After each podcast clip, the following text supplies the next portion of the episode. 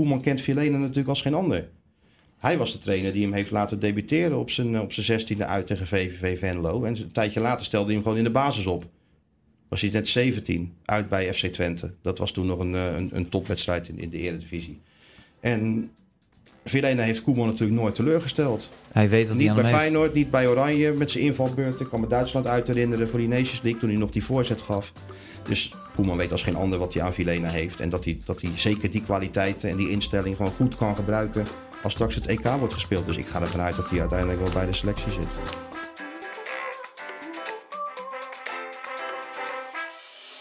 Ja, daar zijn we weer. Scorebordjournalistiek, aflevering 15, waarin we met Voetbal International op zoek gaan naar het verhaal achter het verhaal. En in ja, dit geval eigenlijk op zoek naar het verhaal achter het kerstverhaal. Want ja, je hoort het al, hè? tegenover zit hij met Martijn Krabbedam. En jij bladert door het dubbel dikke kerstnummer van VI. En ik, ik zie pretoogjes. Feestnummer. Het dubbel dik feestnummer. Ja, hij ligt natuurlijk ook nog na kerst. Zeker. Dus, dus eigenlijk feestnummer. Ja, maar het is ook een feestnummer. Ja, jij, bent- je bent tevreden? Nou, ik vind het wel leuk. Al, elk jaar is het toch wel weer iets, eh, iets, iets speciaals. En als je de, de editie van dit jaar neemt, zou ik hem alleen al kopen voor de foto van Gert-Jan Verbeek in Australië. Fantastisch, hè? Ja, dat is echt. eh, als een soort cowboy zit hij daar op een, op, op een ranch met zijn, eh, met zijn family. En eh, ja, collega Gert-Jan Jacobs is daar geweest. En ja, die schetst dan toch een beeld van de Verbeek zoals we hem kennen, de Rambo.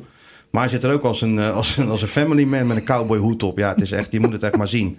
Maar dat vond ik al, dat is eigenlijk al een reden om dat blad te kopen. Ja, dat, niet te veel reclame maken. Hè? Ik bedoel, dat, dat, dat hoort niet in een podcast. Is maar dat zo? Maar, waarom niet? Ja, de- wij, zijn, wij zitten hier voor de verhalen achter de verhalen. Nou ja, ik zou de mensen toch wel willen adviseren dat ze me verkopen. Ja, dat is wel tuurlijk. toevoeging. De tweede kerstdag, schoonfamilie of, of even lekker... Wat zou jij liever doen? Tweede kerstdag de hele dag bij je schoonfamilie voor je uit zitten staren of, of een paar leuke verhalen lezen? Nu wil jij het eh, eerlijke antwoord? Of Nou, het, ik eh, zou gewoon een paar, liefst een paar leuke verhalen lezen. Ik draai er niet omheen. Nee, dat wordt eh, duidelijk. Bij, bij de familie Krabberdam wordt dit op deze manier gevierd. nou, nee, niet bij de, de schoonfamilie heb ik het over. Oh, de schoonfamilie. ja, Eh, nee, maar dat is zo'n gekheid met mijn schoonfamilie is niks mis. Oké, dan hebben we dat genoteerd. Nee, eh, er zijn mooie verhalen in. Eh, we hebben het eerder al gehad over eh, het verhaal Dusan Tadic. Collega Marco Timmer, die eh, op zoek ging naar de roots. Eh, ja, ik, ik zit even met je mee te kijken op het blad dat je hebt. Dubbel dik, hè? Waar moet je beginnen? Ik zie een, een rode JC-soap. Alles wat daar in de laatste... Ja, voor mij 20 jaar gebeurd is. Collega Tom Knipping opgetekend. eh, Simon en Garfunkel hè, van de televisie. eh, van- van, van van, de- Vaart en eh, Van Hooydonk. Ja, ja, ja, ja, ook een heel uitgebreid verhaal. Edwin van der Sar aan bod. Voetballen rond de Noordpool. Ja, je Daar komt moet je toch ook niet aan denken. Als je prof bent en je moet naar de Noordpool. Zo, Hè? dat moet je niet, zou je niet willen, toch? Ah, ik niet, nee. Nee, nee en, en, en zo, eh, ja, het, het zit vol met verhalen en nou, de, ga het lezen in ieder geval. En een van de, ja, de, de- verhalen die er toch wel uitspringt, eh, de reden dat jij hier zit, eh Tony Vilena. Tony Verlena, ja. Hoeveel jaar Feyenoord? Nou, vanaf, hij debuteerde toen hij, eh, toen hij 16 was. Hij is nu 25, dus eh, hij, wordt 25. Dus zeker 9 jaar eh, Feyenoord. Maar hij heeft natuurlijk veel jonger. Hij was geloof ik een jaar of acht toen hij al bij de, bij de club ging spelen. Ging hij van VDL uit Maasluis eh, over naar, naar Feyenoord. Sterker nog, hij was zes jaar volgens mij. Hij heeft hij één jaar bij de amateurs gespeeld en toen pikte Feyenoord hem al op. Dus dat is bijna 18, 19 jaar eh, Feyenoord wat hij, eh, wat hij in zijn benen heeft zitten. Dus ja, dat is natuurlijk wel speciaal als zo'n jongen dan eh, vertrekt. En eigenlijk de anonimi, in de anonimiteit. Want de Russische competitie, eh, er zijn weekenden dat ik het niet zie. Ik weet niet hoe het met jou is. Nee, ik sla hem wel eens over. Ja, je slaat hem ook wel eens Ja. over. Dus dan ben je toch wel benieuwd hoe het dan met zo'n jongen gaat. eh, ver weg in, in Krasnodar. Hè. Ook, ook niet eens Spartak Moskou, CSKA Moskou. eh, de grotere clubs van de Zenit Sint-Petersburg. Maar gewoon Krasnodar. Een provincieclub. Eh, dus ja, ik was wel nieuwsgierig hoe, het daar met, hoe die het daar deed. Dus ja, dan maak je een afspraak. En dan begint de planning van zo'n reis. Hoe, neem ons even mee daarin, want dat, dat is leuk. Kijk, als wij een eh, speler in Londen gaan interviewen, dan pak je het vliegtuig en dan eh, ja. prima, taxietje in, taxietje uit en je gaat zitten. Nou, ik ben nu ook niet gaan rijden hoor. Nee, niet, nee, nee. Maar hoe, hoe, hoe, kom Nou- je, hoe kom je in Krasnodar en hoe kom je terug? Vind ik ook wel interessant. Nou ja, dat is. eh, kijk, die afspraak met, met, met Verlena is, is, is natuurlijk geen probleem. Want je stuurt hem een berichtje. Ja, natuurlijk, kom maar langs. wanneer wil je komen? En, Jullie kennen elkaar al vrij lang, hè? nou, goed, ja, dat is, dat, we kennen elkaar vrij lang, ja. Dus dat is het voordeel als je met een speler gewoon een goede relatie onderhoudt. Dan is het wat makkelijker om bij, om bij zo'n jongen binnen te komen. Dus dat, dat was het probleem niet. Nou ja, ik ben in, in, Rusland geweest bij, tijdens het WK. Een aantal weken. Dus dan weet je, je moet een visum aanvragen. Nou ja, daar begint alles al mee. Zo'n visum, dat je mee even een tijdje je paspoort kwijt. Je betaalt, je betaalt een bepaald bedrag om, eh, om dat kaartje erin te krijgen. Ja, en dan ga je een reis boeken. En dan kom je bij het volgende punt. Dat alles gaat via Moskou. Dus als je in Krasnodar wil komen, dat is misschien vanuit Nederland een uurtje of vier, vier en een half vliegen. Als het rechtstreeks zou zijn, maar dat is het niet. Dus je gaat naar Rusland, je vliegt op Moskou. Ehm, en dan is het ook altijd uh, dat je van terminal moet wisselen. Je wacht een paar uur, want het is niet zo dat die aansluitende vluchten... dat je meteen weer overstapt. Nee, je zit wel drie uurtjes op Moskou. En dan vlieg je nog, uh, nog drie uurtjes door naar, naar Krasnodar. Dus alles bij elkaar is dat best een lange reis. Niet in afstand, maar wel in, uh, in, in tijd die het in, in beslag neemt. Maar zo gaat het nou eenmaal daar. Iedereen die, uh, die in Rusland woont en je moet naar een andere stad... moet je via Moskou vliegen. Behalve dan de clubs, vertelde, vertelde Vilena. Zij kunnen wel rechtstreeks naar Kazan of, of, of Sint-Petersburg... of waar ze dan ook, ook naartoe moeten. Maar je moet wat voor over hebben om in, in, in Krasnodar te komen. En, en, ja, dat is ook en, geen probleem. Ik bedoel, uh, nee, dat, ja. nee dat, dat is het leuke. Uh, maar heel maar je hebt het idee dat je in Melbourne zit. ja, zo lang ben je onderweg. Ja. Hey, even die terugweg alvast. Even, hoe ging dat? Terug, dat, we, dat was een iets, iets, iets vlotter schema. Zo zag het er tenminste uit. Dat was heel vroeg vliegen vanaf uh, Krasnodar naar, uh, naar Belgrado. En dan in drie kwartier een opstapje of een overstapje richting Amsterdam. Maar ja, een beetje mist, een beetje slecht weer. Dus dat vliegtuig van Air Serbia was al iets later. Nou, dan weet je het eigenlijk al. Dan ga je die, die aansluiting niet, niet vinden. Dus een, een, een, nachtje overgebleven nog in, in Belgrado. Ja, nee, even de mensen meenemen. Wij zaten op een maandag hier in de redactievergadering. En we kregen een appje van jou vanuit een of andere uh, gezellig hotel in Belgrado. Dat je daar nog een... Maar wel tophotel. Ja, heel goed dat gaat, regelen toch? die maatschappijen dan wel weer goed. Hè? Als, je, als je moet overblijven dan, uh, en je maakt een beetje stampij... dan douwen ze je weg in een, in een vijf-sterren hotel... dat je verder je mond dicht houdt. Dan krijg je een paar foutjes voor de lunch, ontbijt en, en diner. En de volgende ochtend vliegen. Dus ja, joh, dan kon je een beetje werken in, in Belgrado. En ja, het is ook ja, het is zoals het is. Dus ja, je moet er dan het, uh, het beste van maken. Jij, jij hebt je gered en je hebt uh, op de hotelkamer waarschijnlijk al kunnen beginnen aan het verhaal uh, Tony Vilena. Zeker. Een lijvig verhaal. in wat voor wereld is hij terechtgekomen? Nou, in een totaal andere wereld dan die, die, dan die gewend was natuurlijk in, in Rotterdam. En daar kent hij alles en iedereen, de weg. Hij komt uit Maasluizen, dus dat is vlakbij. Hij speelt jaren bij Feyenoord. Zijn vrienden zitten hier, familie om de hoek alles is bekend. Ja, en dan maak je de overstap naar een andere wereld. En dat is, dat is gewoon anders, Rusland. Nogmaals, ik ben er bij het WK geweest. Dan moet je zelf ook even twee dagen wennen aan, uh, aan, aan bepaalde zaken. En dat is daar niet, niet anders. Ah, wat hij slim heeft gedaan, vind ik, is dat daar sinds hij in, in Krasnodar is, heeft hij kennis gemaakt met een, met een, oud, een, een oud speler. Iemand die uh, al, al jaren in Rusland uh, heeft, uh, heeft gespeeld. Steve, Steve heet hij met een hele moeilijke achternaam. Dan moet ik even bladeren hoe, die, hoe dat niet precies was. Maar, pagina 83. Pagina 83. even kijken hoor. Maar Steve, Steve Takam Kenmu Anouk heet hij. Dat is een, een jongen uit, uit Cameroen. Die is ooit begonnen met voetballen bij, bij, bij Metz uit Frankrijk. Is toen naar, naar Karlsruhe gegaan, vertelde hij me. En vervolgens heeft, hij een hele rits clubs gehad in, in Rusland. Uh, in, in Kaliningrad is hij begonnen. Bij Baltica. En, uh, en dan ja, clubjes. Ja, ik ken ze niet. Sadovik, uh, Sterling, Matak, Rostov, Metallurg, Lipetsk. Maar ook uiteindelijk in Krasnodar ge gekomen bij, bij Kuban. Dat was de tweede club van van de stad. En daar is hij eigenlijk blijven hangen. Daar woont hij nu al twaalf jaar in die stad. En ja, in die rol heeft hij een aantal uh, westerse spelers echt op weg geholpen daar in Rusland. Want als je de taal niet spreekt, en dat spreek je natuurlijk niet, heb je een probleem dat de meeste Russen ook het Engels niet beheersen.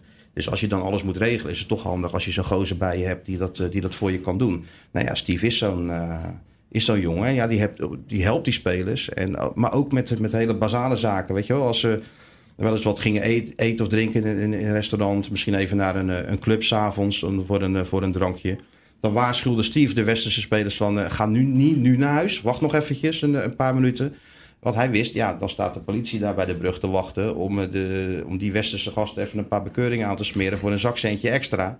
Dus hij zegt, wacht nou nog even een uurtje. Nou, er zijn natuurlijk altijd een paar zo eigenwijs die dan wel gaan. Ja, die krijgt hij dan tien minuten later al aan de lijn. Hè. Dan moest Steve het weer even regelen. Nou, dat deed hij alsof hij uh, bij Krasnodar werkte. En uh, dreigde hij die, die, die, die clubpresident te bellen, die almachtige man. Ja, en toen konden die spelers vaak wel, uh, wel, wel doorrijden. Dus ja, maar ook bij dat soort zaken is het handig als je een gids hebt. En dat heeft uh, Filena slim gedaan. Want ja, die, uh, die Steve is niet bij hem weg te slaan. Maar, dus, maar, het is gewoon een andere cultuur, ander land, andere ja. gebruiken, gewoonten. Dan moet je de weg een beetje leren En dan heb je een gids nodig. En Steve heb je ook even op sleeptouw genomen Steve heeft mij. ook even op sleep, sleeptouw genomen. Die kwam me ophalen bij... ja, ik, wist, ik, ik, ik, wist niet eens hoe die heette natuurlijk. Dus Tony zei tegen mij staat iemand op je op te pikken, dan hoef je geen taxi te nemen en dan, uh, dan ben je snel in de stad. Want hij zelf zat in uh, trainingskamp voor de wedstrijd tegen CSK. Dus ik land daar op dat Krasnodar. En ja, dat is geen, uh, geen Heathrow. Dat is natuurlijk een heel klein, klein vliegveldje. Nou, dan stap je naar buiten. Ik denk, ja, welke Rus staat mij op te wachten? Dus ik kijk nog een beetje naar mensen die daar met die bordjes staan. Van, nou ja, ik zag geen naam. Dus nou, dan ga je maar naar buiten. Meteen al die taxichauffeurs om je nek van of je... Of je voor uh, 85 keer de prijs of ze je naar het centrum mogen brengen. Maar ik wachtte natuurlijk op die gozer. Ja, ineens kwam een hele donkere jongen aangelopen. dat had ik natuurlijk ook niet verwacht. Ja, Sjoe van Tony. Ja, ja, van Tony. Ja, dat was dus, uh, dat was dus Steve. Dus die schold gelijk tegen die taxichauffeurs dat ze weg moesten wezen. En, en nam me mee in zijn Citroën. En zo zijn we naar Krasnodar gereden. Nou, ja, als je dan zo'n ritje samen maakt in die auto, het toch wel een minuutje of een klein half uurtje. Nou, het vertelde hij wel een en ander over, over Krasnodar. Sinds, uh, hij zit natuurlijk 12 jaar, dus hij heeft die stad volledig zien veranderen. Ja, want dat, dat was gewoon een, echt een, een oude Russische stad, hè? De grijs, gauw lees ik in ja, een stuk. Nou ja, dat is zeker die, als je van het vliegveld naar de richting de stad rijdt, dan kom je, dan, ja, het is een overblijfsel uit die, uh, uit, uit het bolsjewisme nog, met, met van die grote woondozen die, die zich uh, langs de straat hebben, ge, hebben geplant, van meters hoog, waar mensen dan, dan wonen. Maar als je dan richting het centrum komt, als je hier naar McDonald's, Kentucky Fried Chicken, dan wordt het allemaal wat glinsterender. Uh, twee, twee enorme shoppingmalls, een prachtig nieuw Marriott hotel. Dus ja, dat is ook Krasnodar. En, en, en, en die Steve vertelde dus ook dat in de afgelopen tien jaar is er zo verschrikkelijk veel gebouwd daar. Dat de stad enorm is gegroeid. Het is nu de snelst groeiende stad van Rusland zelfs, met bijna een miljoen inwoners. En dat komt ook heel simpelweg doordat het gunstig gelegen ligt in de buurt bij Sochi. Dus uh, korte winters, lange zomers, temperatuur viel reuze mee. Het was daar warmer eigenlijk dan, uh, dan in Nederland.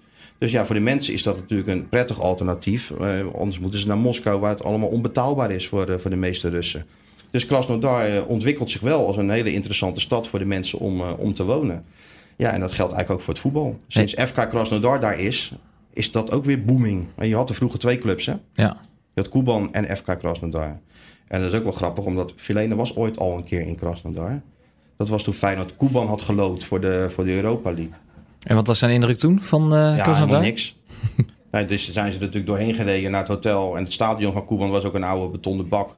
Dus ja, hij dacht eventjes, is dat, dat dan dat Krasnodar? Ja, tot die foto's kreeg te zien van het FK Krasnodar. En dat is toch wel een ander verhaal. Maar, maar neem ons even mee. Ik bedoel, jij kent Filena uh, erg goed, durf ik te stellen. Jongen heeft meer dan 250 wedstrijden voor Feyenoord gespeeld. Oranje International. Ja. Uh, interesse uit Italië weten we. En dan kom je uit bij Krasnodar. Wat, wat heeft hem doen besluiten om deze stap te zetten? Want best opmerkelijke stap toch? Ja, nou ja, hij zegt ook dat hij uh, in weinig de, ge, de ge, uh, gebaande paden volgt. Hè? Dus het is, hij vindt het ook wel apart of, of grappig dat hij nu met deze keuze toch heel veel mensen op het verkeerde been zet. En dat is het, een beetje apart willen zijn, heeft dat ook mee te maken. Natuurlijk een geweldig contract, daar begint, het, begint alles mee.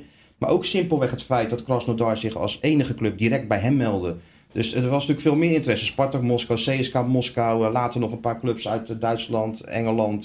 Maar die kwamen allemaal via tussenpersonen. En Krasnodar, de, de, de manager, Vladimir Kashiki volgens mij uit mijn hoofd, die belde hem gewoon persoonlijk op van wij willen jou hebben. Dat was, de, was hij met Oranje in, de, tijdens, in Portugal bij de Nations League. Dus ja, we willen jou hebben. Nou, prima, had hij gezegd. Dan moeten we praten als ik, als ik terug ben. Maar het feit dat Krasnodar um, het op deze manier deed, gaf ze eigenlijk al een voorsprong. Vervolgens ga je dan praten. Uh, dan bieden ze je een geweldig contract aan. Hij heeft zich verdiept in de club en in de Russische competitie. Uh, met, uh, bijvoorbeeld met Quincy Promes gesproken, die bij Spartak Moskou heeft gespeeld. En die Krasnodar ook kent.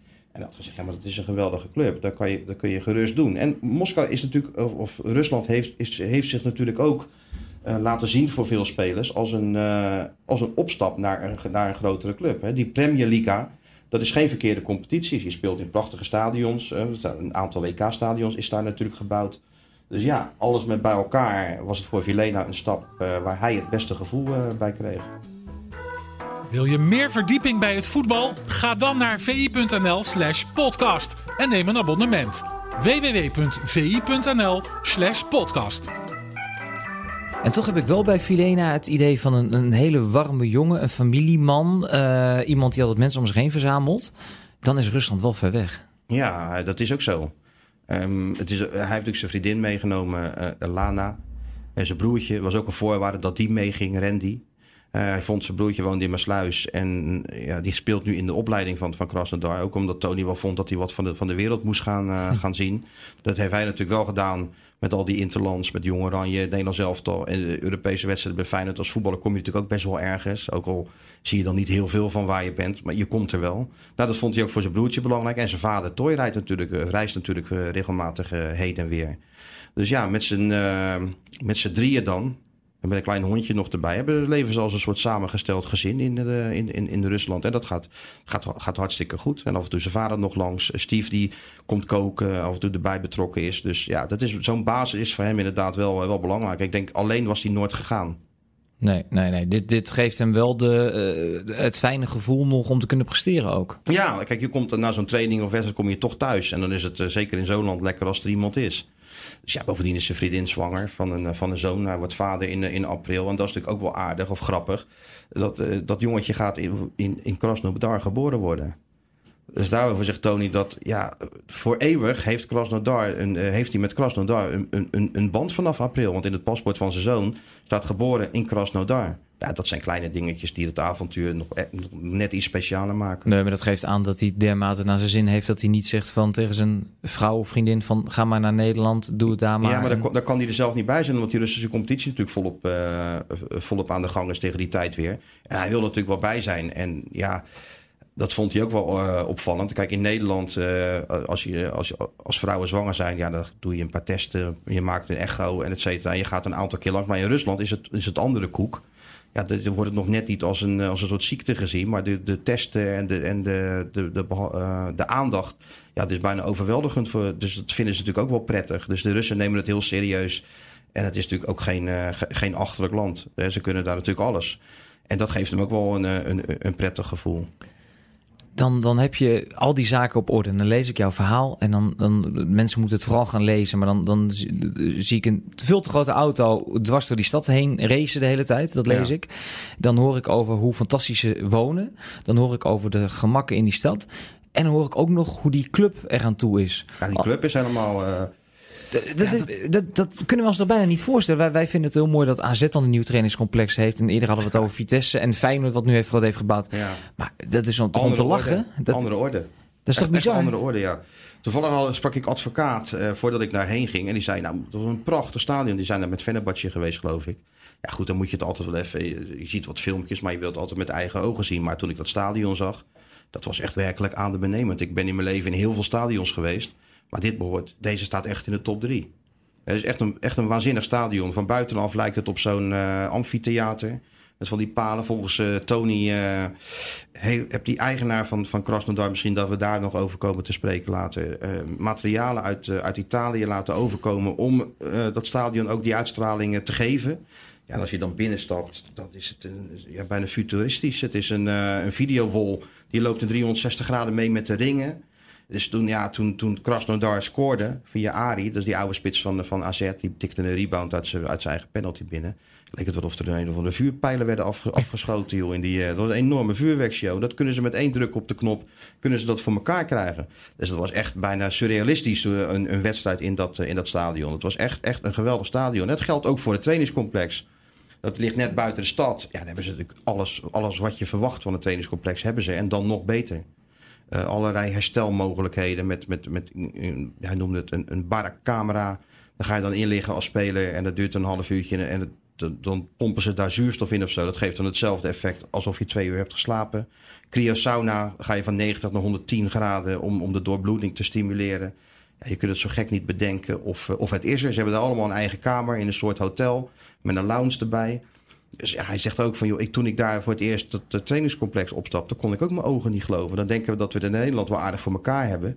Maar er is eigenlijk weinig clubs in Europa die, die dat beter hebben dan Krasnodar. De Spaanse ploeg heeft daar gezeten tijdens het WK. Ja, die kunnen alles kiezen en die kozen dat. Dus dat zegt natuurlijk ook wel iets. Maar, en dit komt allemaal uit de koker van de eigenaar die je net benoemt. De man Ja. die, nou, laten we zeggen, een redelijk goed gevulde portemonnee heeft. Nou, ja, die, eh, ja, dat zeggen ze als hij op zijn geld gaat zitten, kan hij Parijs zien liggen, denk ik. zo, Zo, zo- zoveel is het. Ja, dat is echt eh, bizar. Maar die, die, die heeft dat stadion eh, uit eigen zak betaald, eh, las ik. Die, die, al, die, ja, al die voorwaarden die gecreëerd zijn. Ja, Sergej Kalitski heet. Wat, wat, wat wil een, die man? Die man is in Sochi geboren. Sochi, dus Ja. niet heel ver daar vandaan. Is in Krasnodar gaan, gaan wonen. En heeft vanaf dat moment meteen een band met de stad en de inwoners. Is er ook nooit meer weggegaan. Al die rijke Russen gaan allemaal naar Moskou. Alleen hij blijft in, in Krasnodar. Hij is groot geworden met een supermarktketen, Magnit. Heeft hij groot gemaakt en uiteindelijk verkocht aan een, aan een Russische bank. Een beetje onder dwang, volgens Russische eh, journalisten die ik daar heb gesproken. Hij kreeg er geloof ik wel een, een aantal miljard voor, maar het was eigenlijk meer waard. Maar hij werd een beetje te groot voor, eh, voor Poetin. Dus dan, Dan moet je eh, oppassen, hè? Hè? Dan moet je oppassen. blijkt het, dan schijnt het dat je op moet passen. Maar hij heeft dus genoeg geld gekregen om van zijn zijn project Krasnodar iets moois te maken. Nou, daar is hij dus ook hard mee, eh, mee bezig. Hij ziet iedere training, vertelde Verlena ook. Dan staan ze dus op het veld, eh, zijn ze met een oefening bezig en dan horen ze in de verte.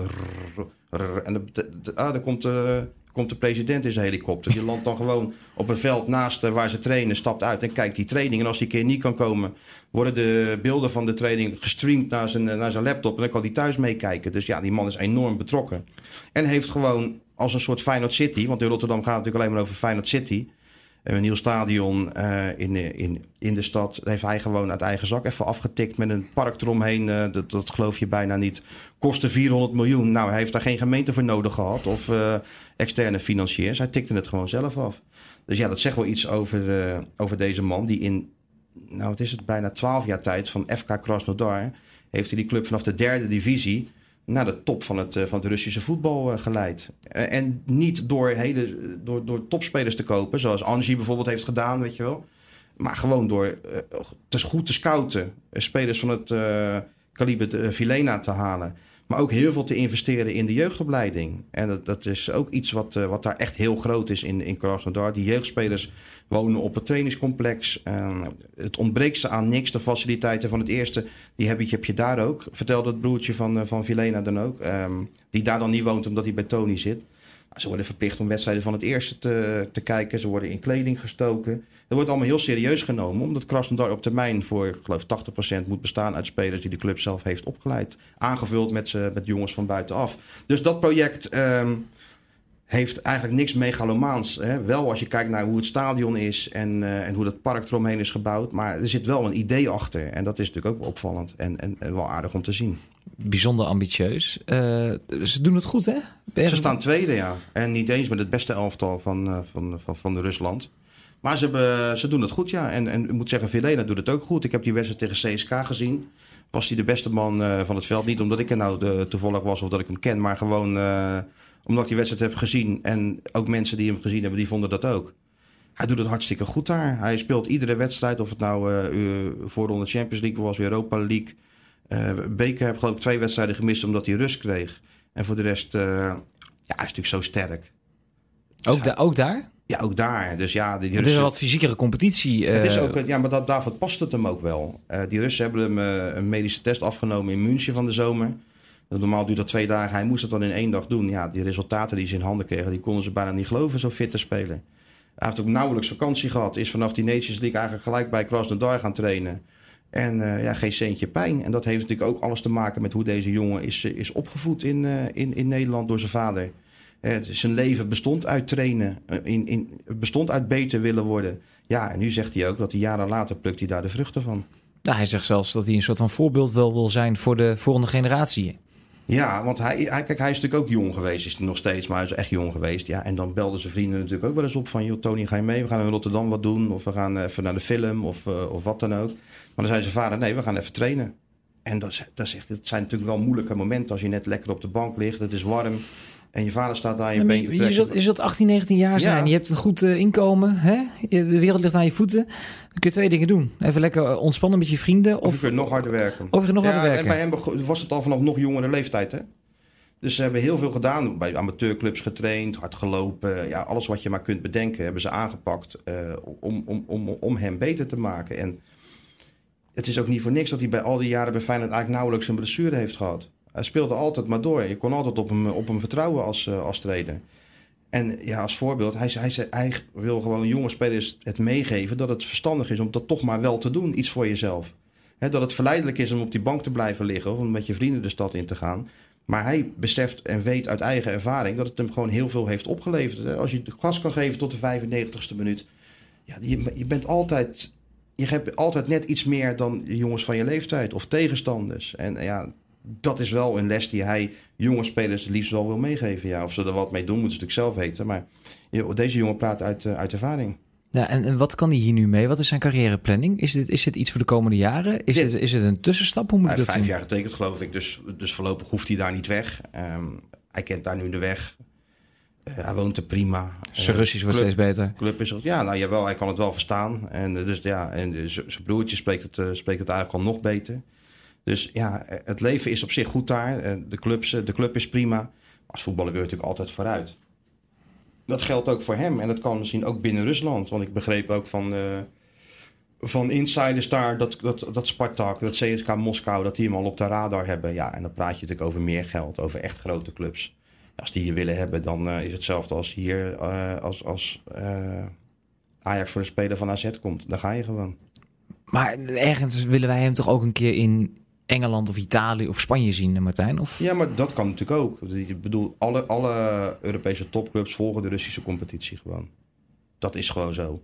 En Quincy Promes is natuurlijk ook gewoon van, uh, van Spartak Moskou naar, uh, naar Sevilla gegaan. Er wordt heel veel gehandeld tussen clubs uit, uit Rusland. Er gaan, naar Porto gaan er wel eens een paar, naar Engeland. Ja, het is, het is wel een serieuze competitie. Dus ik, ik sluit niet uit als hij zo blijft spelen, dat hij uh, binnen nu een anderhalf jaar wel een, stap maakt naar een nog, nog grotere club. Wat was nou je mooiste moment, uh, die dagen dat je daar was? Ja, toch wel die wedstrijd in dat, uh, in dat, in, in dat stadion. Dat was echt, ja, wat ik zeg, ik ben overal geweest als, als, als verslaggever. Hoe, lang, ben, hoe lang ben je als sportjournalist? Ja, nee, niet om aanmatigend te zijn, maar dat is gewoon zo. Je komt natuurlijk nu komt nog wel eens ergens door het werk wat wij doen. Maar zo'n stadion, nogmaals, ik heb het echt nooit, ik had het nooit, nooit eerder gezien. En ook wel grappig dat, uh, dat door Vilena het Nederlandse voetbal ook weer een beetje vertegenwoordigd wordt in, in Rusland. Hè? Want dat, uh, dat viel hem ook wel echt op. Dat die Russen uh, Oranje wel echt weer volgen door de prestaties van, van, van, van, van Nederland in de kwalificatie, de Nations League. Het wordt weer serieus genomen. En het mooiste vond hij zelf nog, Tony, dan dat een, een, een, middenvelder van, van Krasnodar, Kaczynski, dat is zelfs een Russische, dat is zelf een Russisch international. Die kwam naar Vilena toe vlak voordat hij naar Oranje moest. Uh, ja, zei Tony, kan jij voor mij niet het eh, shirt van Frenkie de Jong uh, regelen? Want ja, daar was hij helemaal, helemaal weg van. Nou, dat had Tony dan geregeld. En toen die jongen dat shirt kreeg, was hij zo blij als een, blij als een kind. Dus dat vond hij dan zelf wel grappig, dat hij het Nederlands voetbal ook weer een beetje vertegenwoordigt in, in, in Rusland. Ja, dan heb je die trip gehad. Dan, dan weet je dat het goed met hem gaat, dat hij er goed presteert. En dan kijken we stiekem alvast naar volgend jaar. Gaat, gaat hij mee naar het, naar het EK? Niet als je de laatste twee selecties van Oranje erbij pakt, want dan zat hij er niet bij. Maar? Maar ik denk het wel. Koeman kent hem als geen ander. Had hem ook uh, toen hij niet werd geselecteerd gebeld en gezegd dat hij in middenvelden even liet vallen voor een extra aanvaller. Dus dat eh, als een trainer dat doet, dat, uh, dat duidt er wel op dat je, dat je een speler serieus neemt. toen hij man of the match was, een, een, een, keer hiervoor was dat geloof ik in een of andere wedstrijd, stuurde hij ook een berichtje van dat hij het leuk vond en dat hij, dat hij hem bleef volgen. Dus ik denk, kijk, Koeman kent Vilena natuurlijk als geen ander. Hij was de trainer die hem heeft laten debuteren op zijn, op zijn 16e uit tegen VVV Venlo. En een tijdje later stelde hij hem gewoon in de basis op. Was hij net 17, uit bij FC Twente. Dat was toen nog een, eh, een, een topwedstrijd in, in de Eredivisie. En Vilena heeft Koeman natuurlijk nooit teleurgesteld. Hij weet wat niet hij bij heeft. Feyenoord, niet bij Oranje met zijn invalbeurt. Ik kan me Duitsland uit herinneren voor die Nations League toen hij nog die voorzet gaf. Dus Koeman weet als geen ander wat hij aan Vilena heeft. En dat hij, dat hij zeker die kwaliteiten en die instelling gewoon goed kan gebruiken als straks het EK wordt gespeeld. Dus ik ga ervan uit dat hij uiteindelijk wel bij de selectie zit. En mogelijk minuten gaat maken. Mm, ja, wie weet. Het kan natuurlijk ook veranderen als je nou ziet wat er gebeurt met, met blessures. En uh, het jaar moet nog beginnen. Dus dat wordt nog wel even spannend. Maar Tony Vilena staat er goed op? Bij Koeman? Bij, gewoon het algemeen, op dit moment, als voetballer? Dat lijkt me wel. Jij kan het weten, want wij zien hem niet. In, in Rusland staat hij er heel goed op. Uh, gewoon basisspeler, een, uh, een buitenlandse speler die... Uh... Kijk, je hebt natuurlijk ook een ander voorbeeld, is Stil, hè? Die gaat naar Spartak Moskou voor de dubbele wat, wat Filena heeft gekost. En speelt daar niet. Klopt. Kijk, en ze zien bij Krasnodar een jongen lopen die voor 7 miljoen naar, daar naartoe is gegaan. En die gewoon elke wedstrijd eh, speelt en het uitste, uit, uitstekend doet. Dus ja, hij is wel bezig om zijn eigen naam goed te promoten daar in de, in de Premier Liga. Dus ja, het gaat hartstikke goed met hem. Alleen ja, hij, wil, hij wordt vader in april. En het zou natuurlijk voor hem mooi zijn als hij ook uh, aanwezig kan zijn bij het EK. Mooie tijden voor Tony Vilena. Ja, we maken vaak reclame voor onze eigen stuk. En dat ga ik nu ook zeker doen. Uh, het verhaal van Tony Vilena, opgetekend door Martijn Krabberdam, te lezen in de VI Cash Special. Uh, zeker ook op uh, VI Pro.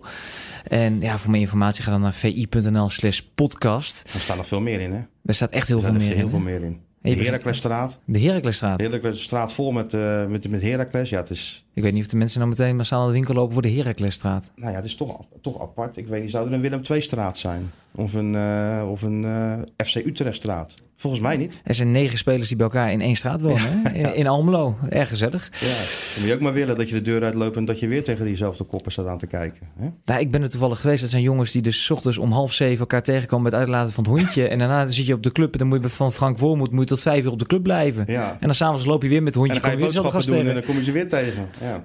Ik sprak uh, Mats Knoester, die daar nu speelt. Die zei van ja, Rotterdam ging de stad nog eens een kopje koffie drinken. Je hebt hier één koffietentje in Albert Heijn. Dat en, is zit, het. en daar zitten ze allemaal. En er zitten dan negen jongens van Heracles. Nou, ook dat valt dus te lezen in de kerstspecial van Voetbal International. Uh, ja, net als heel veel andere mooie verhalen. Martijn, dankjewel. En uh, gedaan. we gaan allemaal naar uh, Krasnodar. Daar moet je wel echt de tijd voor nemen, want je bent er niet, uh, niet zo. Nee, vooral niet terug, heb ik gehoord. Wat zeg je? En vooral niet terug. Terug ook niet. Maar ja, als je, de, als je in Krasnodar bent, wat ik zei, dan denk je van, is het Melbourne? Nee, nee, het is Krasnodar. Je moest even kijken. Je moet even kijken. Maar dat, als je dan naar buiten kijkt, zie je het wel vrij snel. Hè? je merkt het verschil wel, ja? Zie je wel dat het geen... Uh, ja. Nee, maar het was een leuke, een leuke ervaring, een leuke stad. Um, ja, en die, het leuk om die jongen daar gewoon in een andere omgeving eens aan het werk te zien. Na al die jaren bij Feyenoord. Dankjewel.